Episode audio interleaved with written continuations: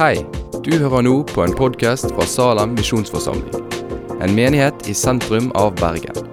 Vil du vite mer om oss eller komme i kontakt med oss, gå inn på salem.no. Vi skal jo høre ikke så mye mer på meg, holdt på å si, men på Guds ord i dag. Og for meg, når jeg taler eh, Det håper jeg at mange av dere som går her fast, vet. at jeg, jeg synes det er så viktig med kontekst, med sammenheng. Hva er det som står i Bibelen? Ikke bare akkurat det vi skal lese i dag, men rundt der. Hva er det som gir mening til denne teksten? Og I dag så skal vi lese fra Lukas 8, 1-3. Det var tre vers, men det står i en stor sammenheng. Eh, før dette så har Jesus en preken som vi kaller slettepreken. Og Så helbreder han tjeneren til en romersk offiser som er ganske høyt oppe i samfunnet. Og Så vekker han opp ei enke sin eneste sønn, ei enke som ikke har mann. Og den eneste sønnen hennes dør. Hun er totalt avhengig. Det er pensjonen hennes som dør nå, og hun er helt nede. Jesus møter hun. Og så er det en samtale der Jesus sier til døperen Johannes jeg er her. Jeg gir synet til blinde. Jeg gir hørselen til døve. Jeg gir livet til de som er døde. Jeg renser spedalske. Og de sier at jeg er venn med tollere og syndere. Det var de verste i samfunnet. Og Samtidig så ser han jo til den offiseren i Kapernaum. Jesus møter mennesker helt nederst på rangstigen og helt øverst. Og I slutten av kapittel 7, rett før vi går inn i vår tekst, så er Jesus på besøk hos en fariseer, en, av lederne i folket. Og så er Jesus på besøk hos han. Og Lukas, han som har skrevet om, om det vi skal lese nå, han, han nevner han der fariseeren aldri med navn. Fem ganger så skriver Lukas han var på besøk hos en fariseer, og fariseeren sa, og fariseeren hørte. Han nevner ikke navn engang. For Lukas er det sånn at dette er bare en fariseer. Dette er en av våre motstandere som egentlig ikke syns så mye om Jesus sitt budskap. Men, men Jesus er så nær at han kaller med navn. Lukas skriver fariseeren sitt hus var Jesus på besøk. Han fariseeren sa, fariseeren tenkte. Men første gang vi hører navnet hans, det er når Jesus sier, 'Simon, jeg har noe å si deg'. Fordi Hos Jesus er vi aldri en fariser, en lærer. Vi er aldri bare en pastor. Vi er aldri bare en hvem som helst hva, hva jobber Vi er aldri bare en far, vi er aldri bare en mor, vi er aldri bare et barn. Vi er navnet Simon. Jeg har noe å si deg. Jesus er nær nok til å kalle oss med navn. Lukas, han som skriver, ville ikke navngi han, men det var bare en hvem som helst fariseer og motstander. Men Jesus vet hva han heter, og han vil vise han hvor stor tilgivelsen er. Så sier han, 'Simon, jeg har noe å vise deg.' Og så forteller han noe om hvordan tilgivelsen til Gud er. Og Den andre karakteren i den historien det er en kvinne som lever et syndefullt liv. står det. Og Hun har fått høre at Jesus er i denne fariseeren sitt hus. Og Måten hun handler på, med å vaske beina til Jesus og tørke dem, viser at Jesus har møtt hun òg på en måte som gjør at vekker utrolig stor takknemlighet i hun. I samme historien så ser vi Jesus møte fariseeren og synderinnen. Helt øverst i samfunnet og helt nederst.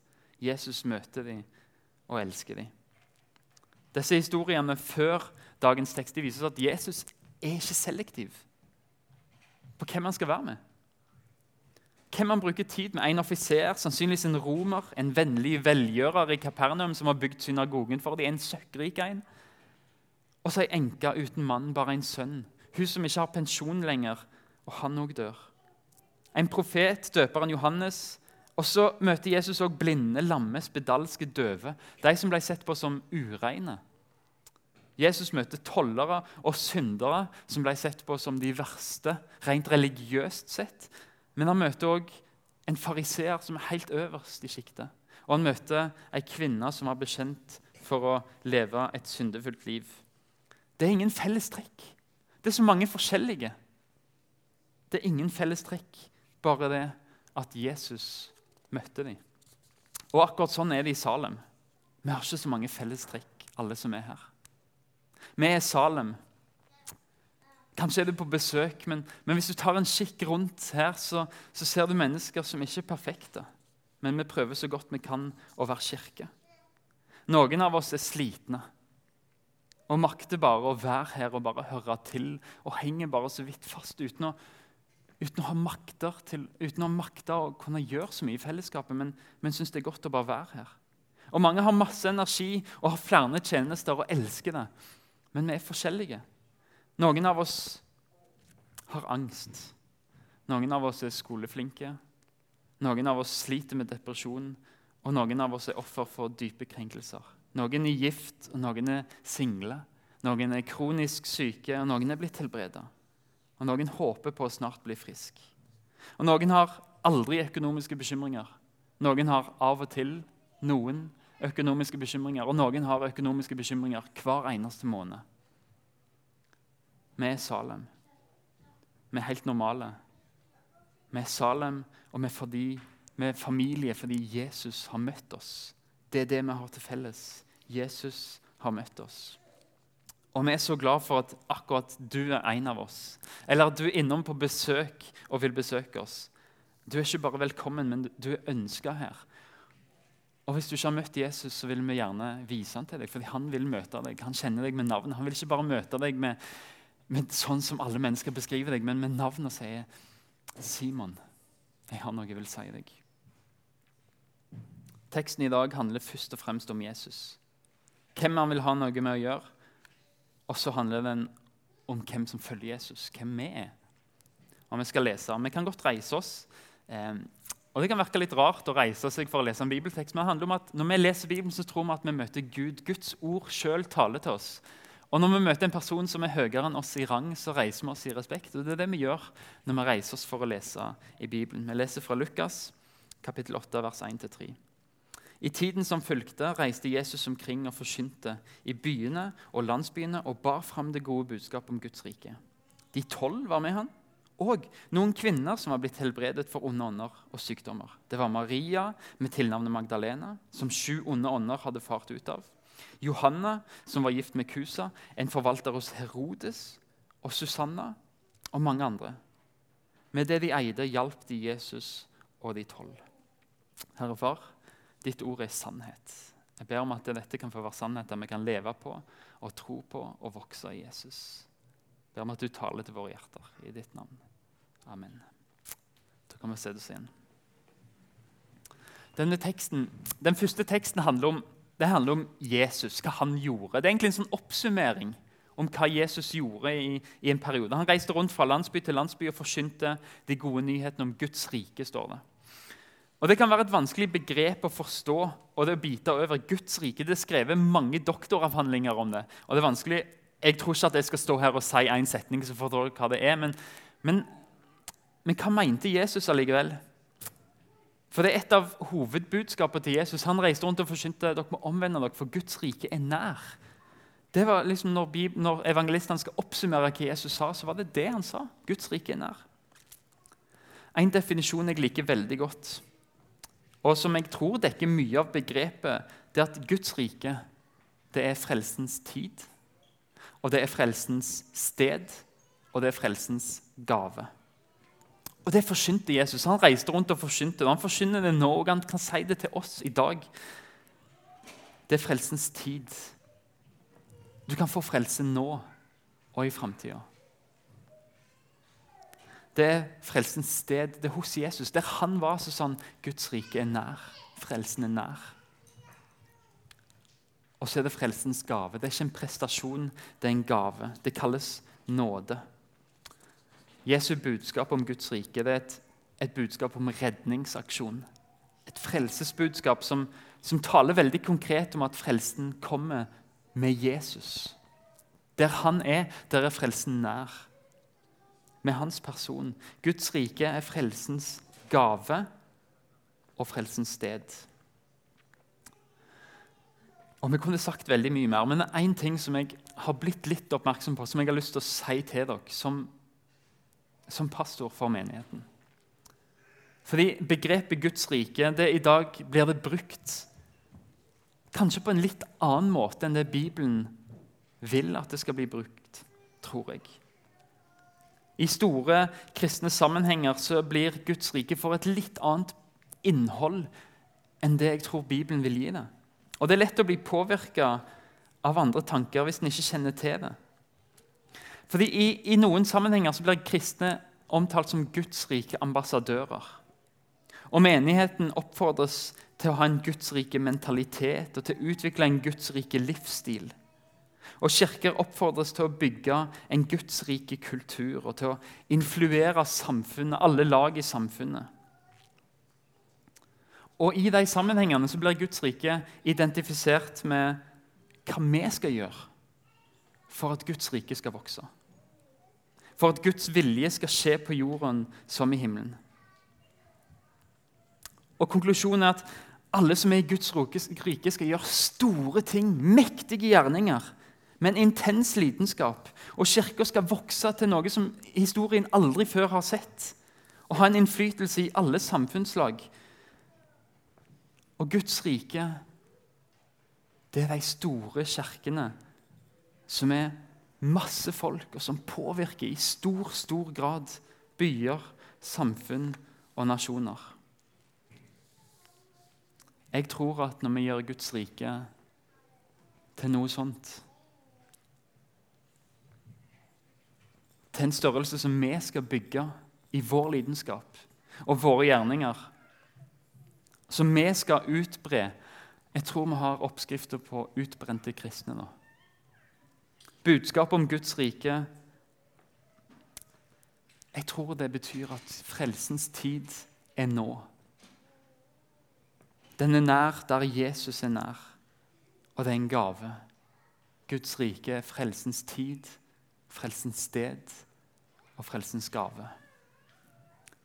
Og Jeg tror at det er mye bra i visjonene om å, om å påvirke samfunnet. Det fins utvilsomt mange kristne som, som trenger å bli rista litt ut av sløvhet.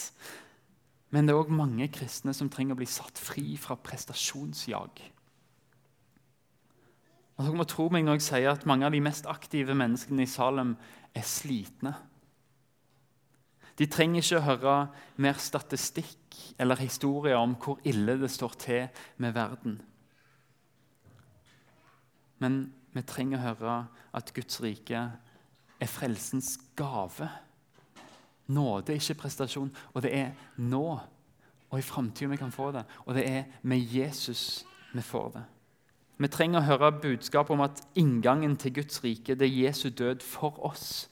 Og hans oppstandelse for å gi oss håp om et evig liv. De trenger å høre at vi er rettferdiggjorte ved tro, uten gjerninger. Vi trenger å høre evangeliet, for det er det som er budskapet om Guds rike. Hva Jesus har gjort for oss, og at vi får tre inn i det. Og så får vi forkynne det.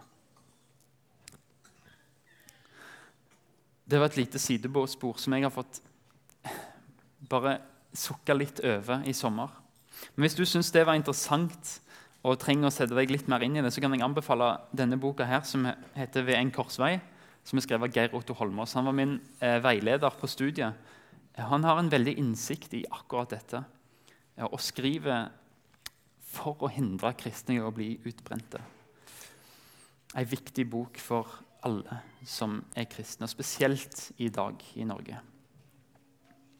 Men Jesus gikk altså rundt og forkynte dette, Guds rike, frelsens gave. At den var nå, og at det var han. Og Det gjorde han mens han reiste rundt. og Kanskje det er en tankevekker for oss som kirke. For med en moderne menighet, og vi tenker at Kanskje tenker vi av og til at folk kommer til møtene bare vi gjør de bra nok.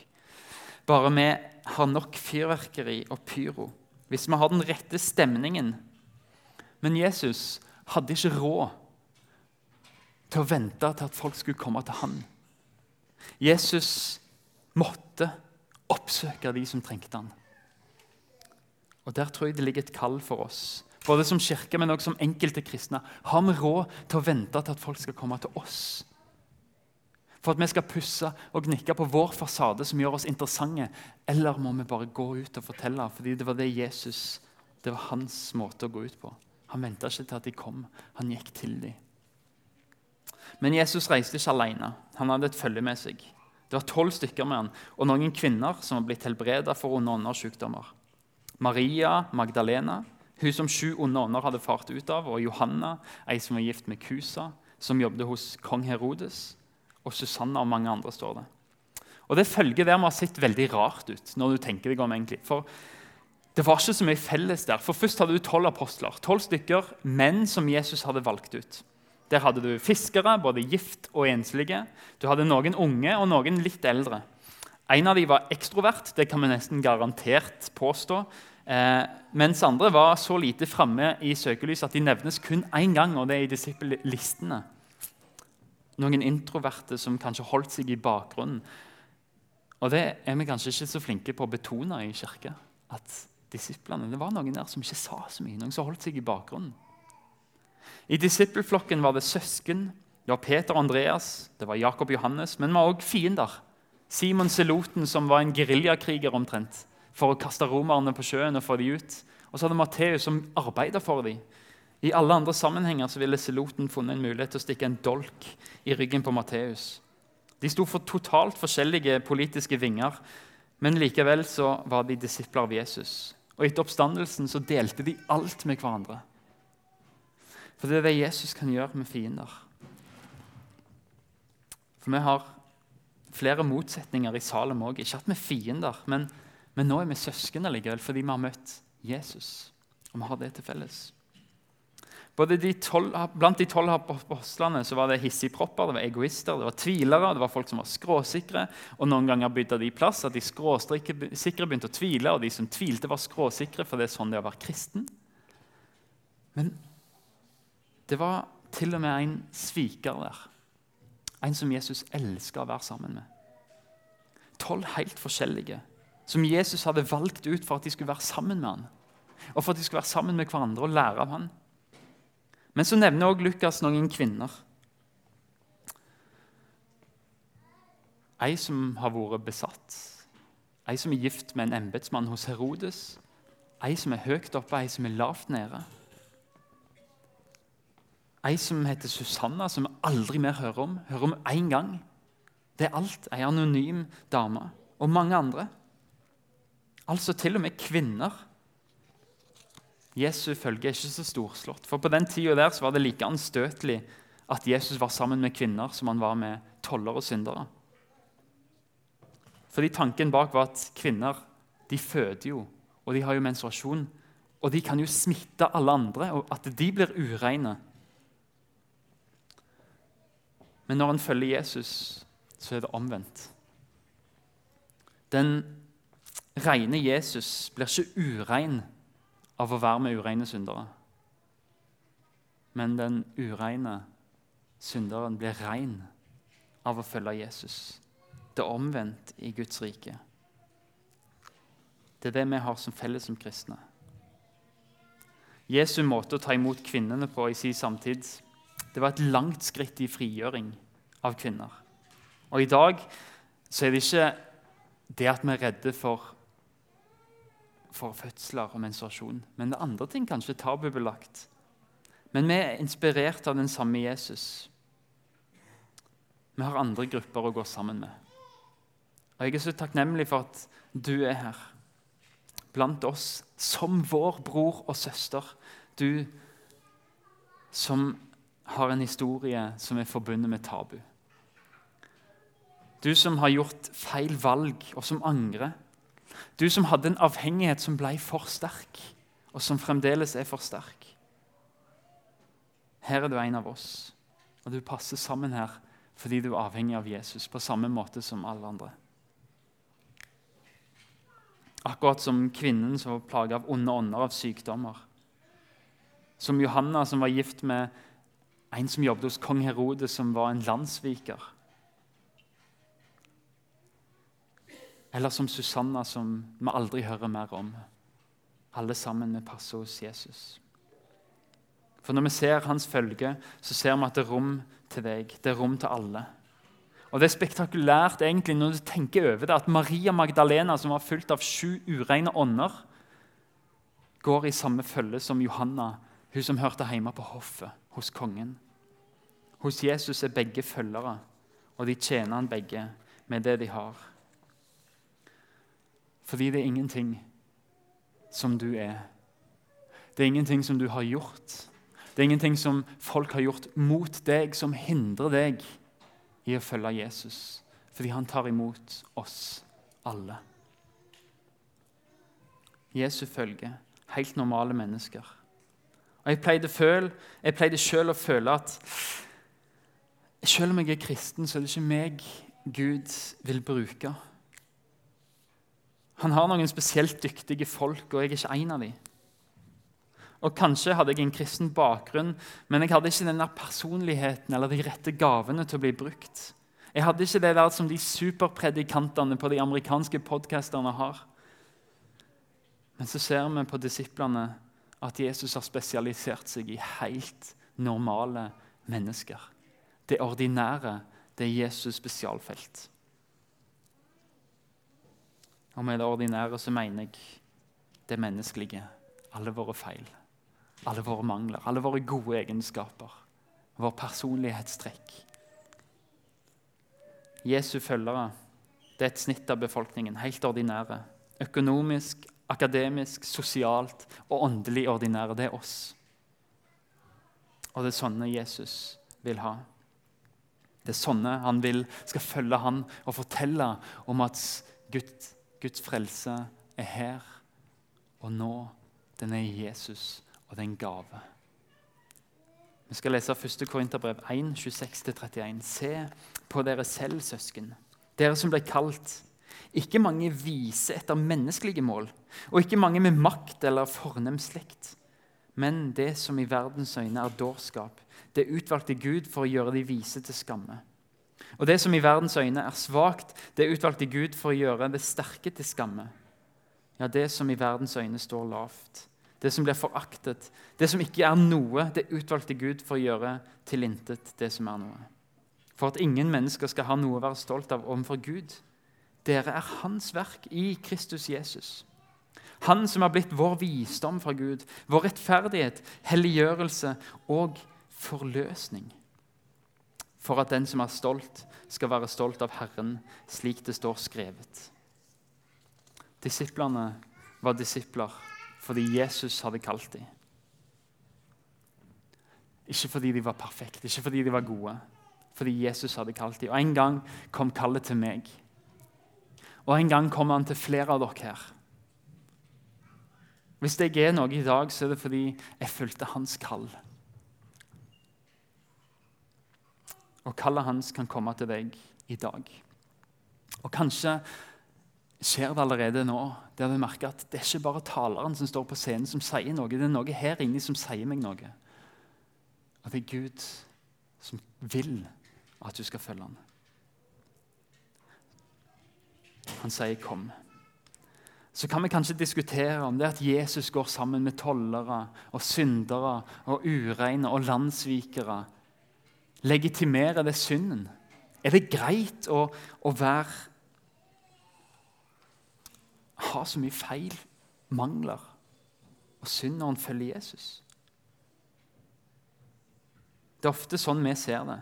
At de som er sammen med syndere, de legitimerer dem. Å ja, du er Ok, du, du er med ja. Ja vel. Syns du det er greit? du ja? Men det er ikke sånn det er meint å forstås. Paulus skrev det vi leste. Dere er hans verk i Kristus Jesus. Han som er blitt vår visdom fra Gud, vår rettferdighet, vår helliggjørelse og vår forløsning. Jesus ønsker fellesskap. Men han, han, velkommen, han ønsker velkommen hvem som helst, men han elsker oss for høyt til å la oss være sånn vi er. Han ønsker å sette oss fri fra avhengighet, fra synd, fra feil, fra mangler, fra, fra alt dette. Og han vil gjøre oss rettferdige. Han vil gjøre oss hellige. Han vil forløse oss, knytte vekk alle tau som binder. Og så er det sånn at han gjør det med oss av nåde. Det er ikke så viktig for han hvem du er når du kommer, hvordan du er, eller hva du har gjort. Men det han gjør med deg, det blir så viktig for deg at du blir stolt av hva han har gjort i deg. Han virker i deg sånn at du både vil og gjør det som er til Guds gode vilje. Du blir stolt av å følge han. Ikke fordi du skjerper deg, men fordi han får forme deg når du følger han. Til slutt så utfordrer teksten oss litt. Vi som har valgt å følge Jesus, selv om vi ikke er perfekte. Langt ifra. Men den utfordrer oss med en enkel setning som vi skal få ta med oss. Og Det står ikke noe tall, det står ikke noe prosent. Det står ikke noe grafer, det står ingenting. Det står bare med det de eide. Hjalp de Jesus og de tolv. Jesus kaller oss først og fremst til å følge ham. Og så vekker det i oss en respons på at jeg, med det jeg har, så vil jeg hjelpe Jesus og fortelle at Guds rike, det er nå. Det er Jesus, og det er gratis. Herre Far, jeg ber om at eh, ditt budskap til oss i dag kan få sette seg i hjertene. Ber Jesus om at du fortsetter å arbeide hvis det er noe som du vil at vi skal ta med oss. Så ber jeg om at du fortsetter å tale til oss under sangen, Jesus. La dette få være sannheter som kan styrke oss i troen og i håpet. Ditt navn. Amen.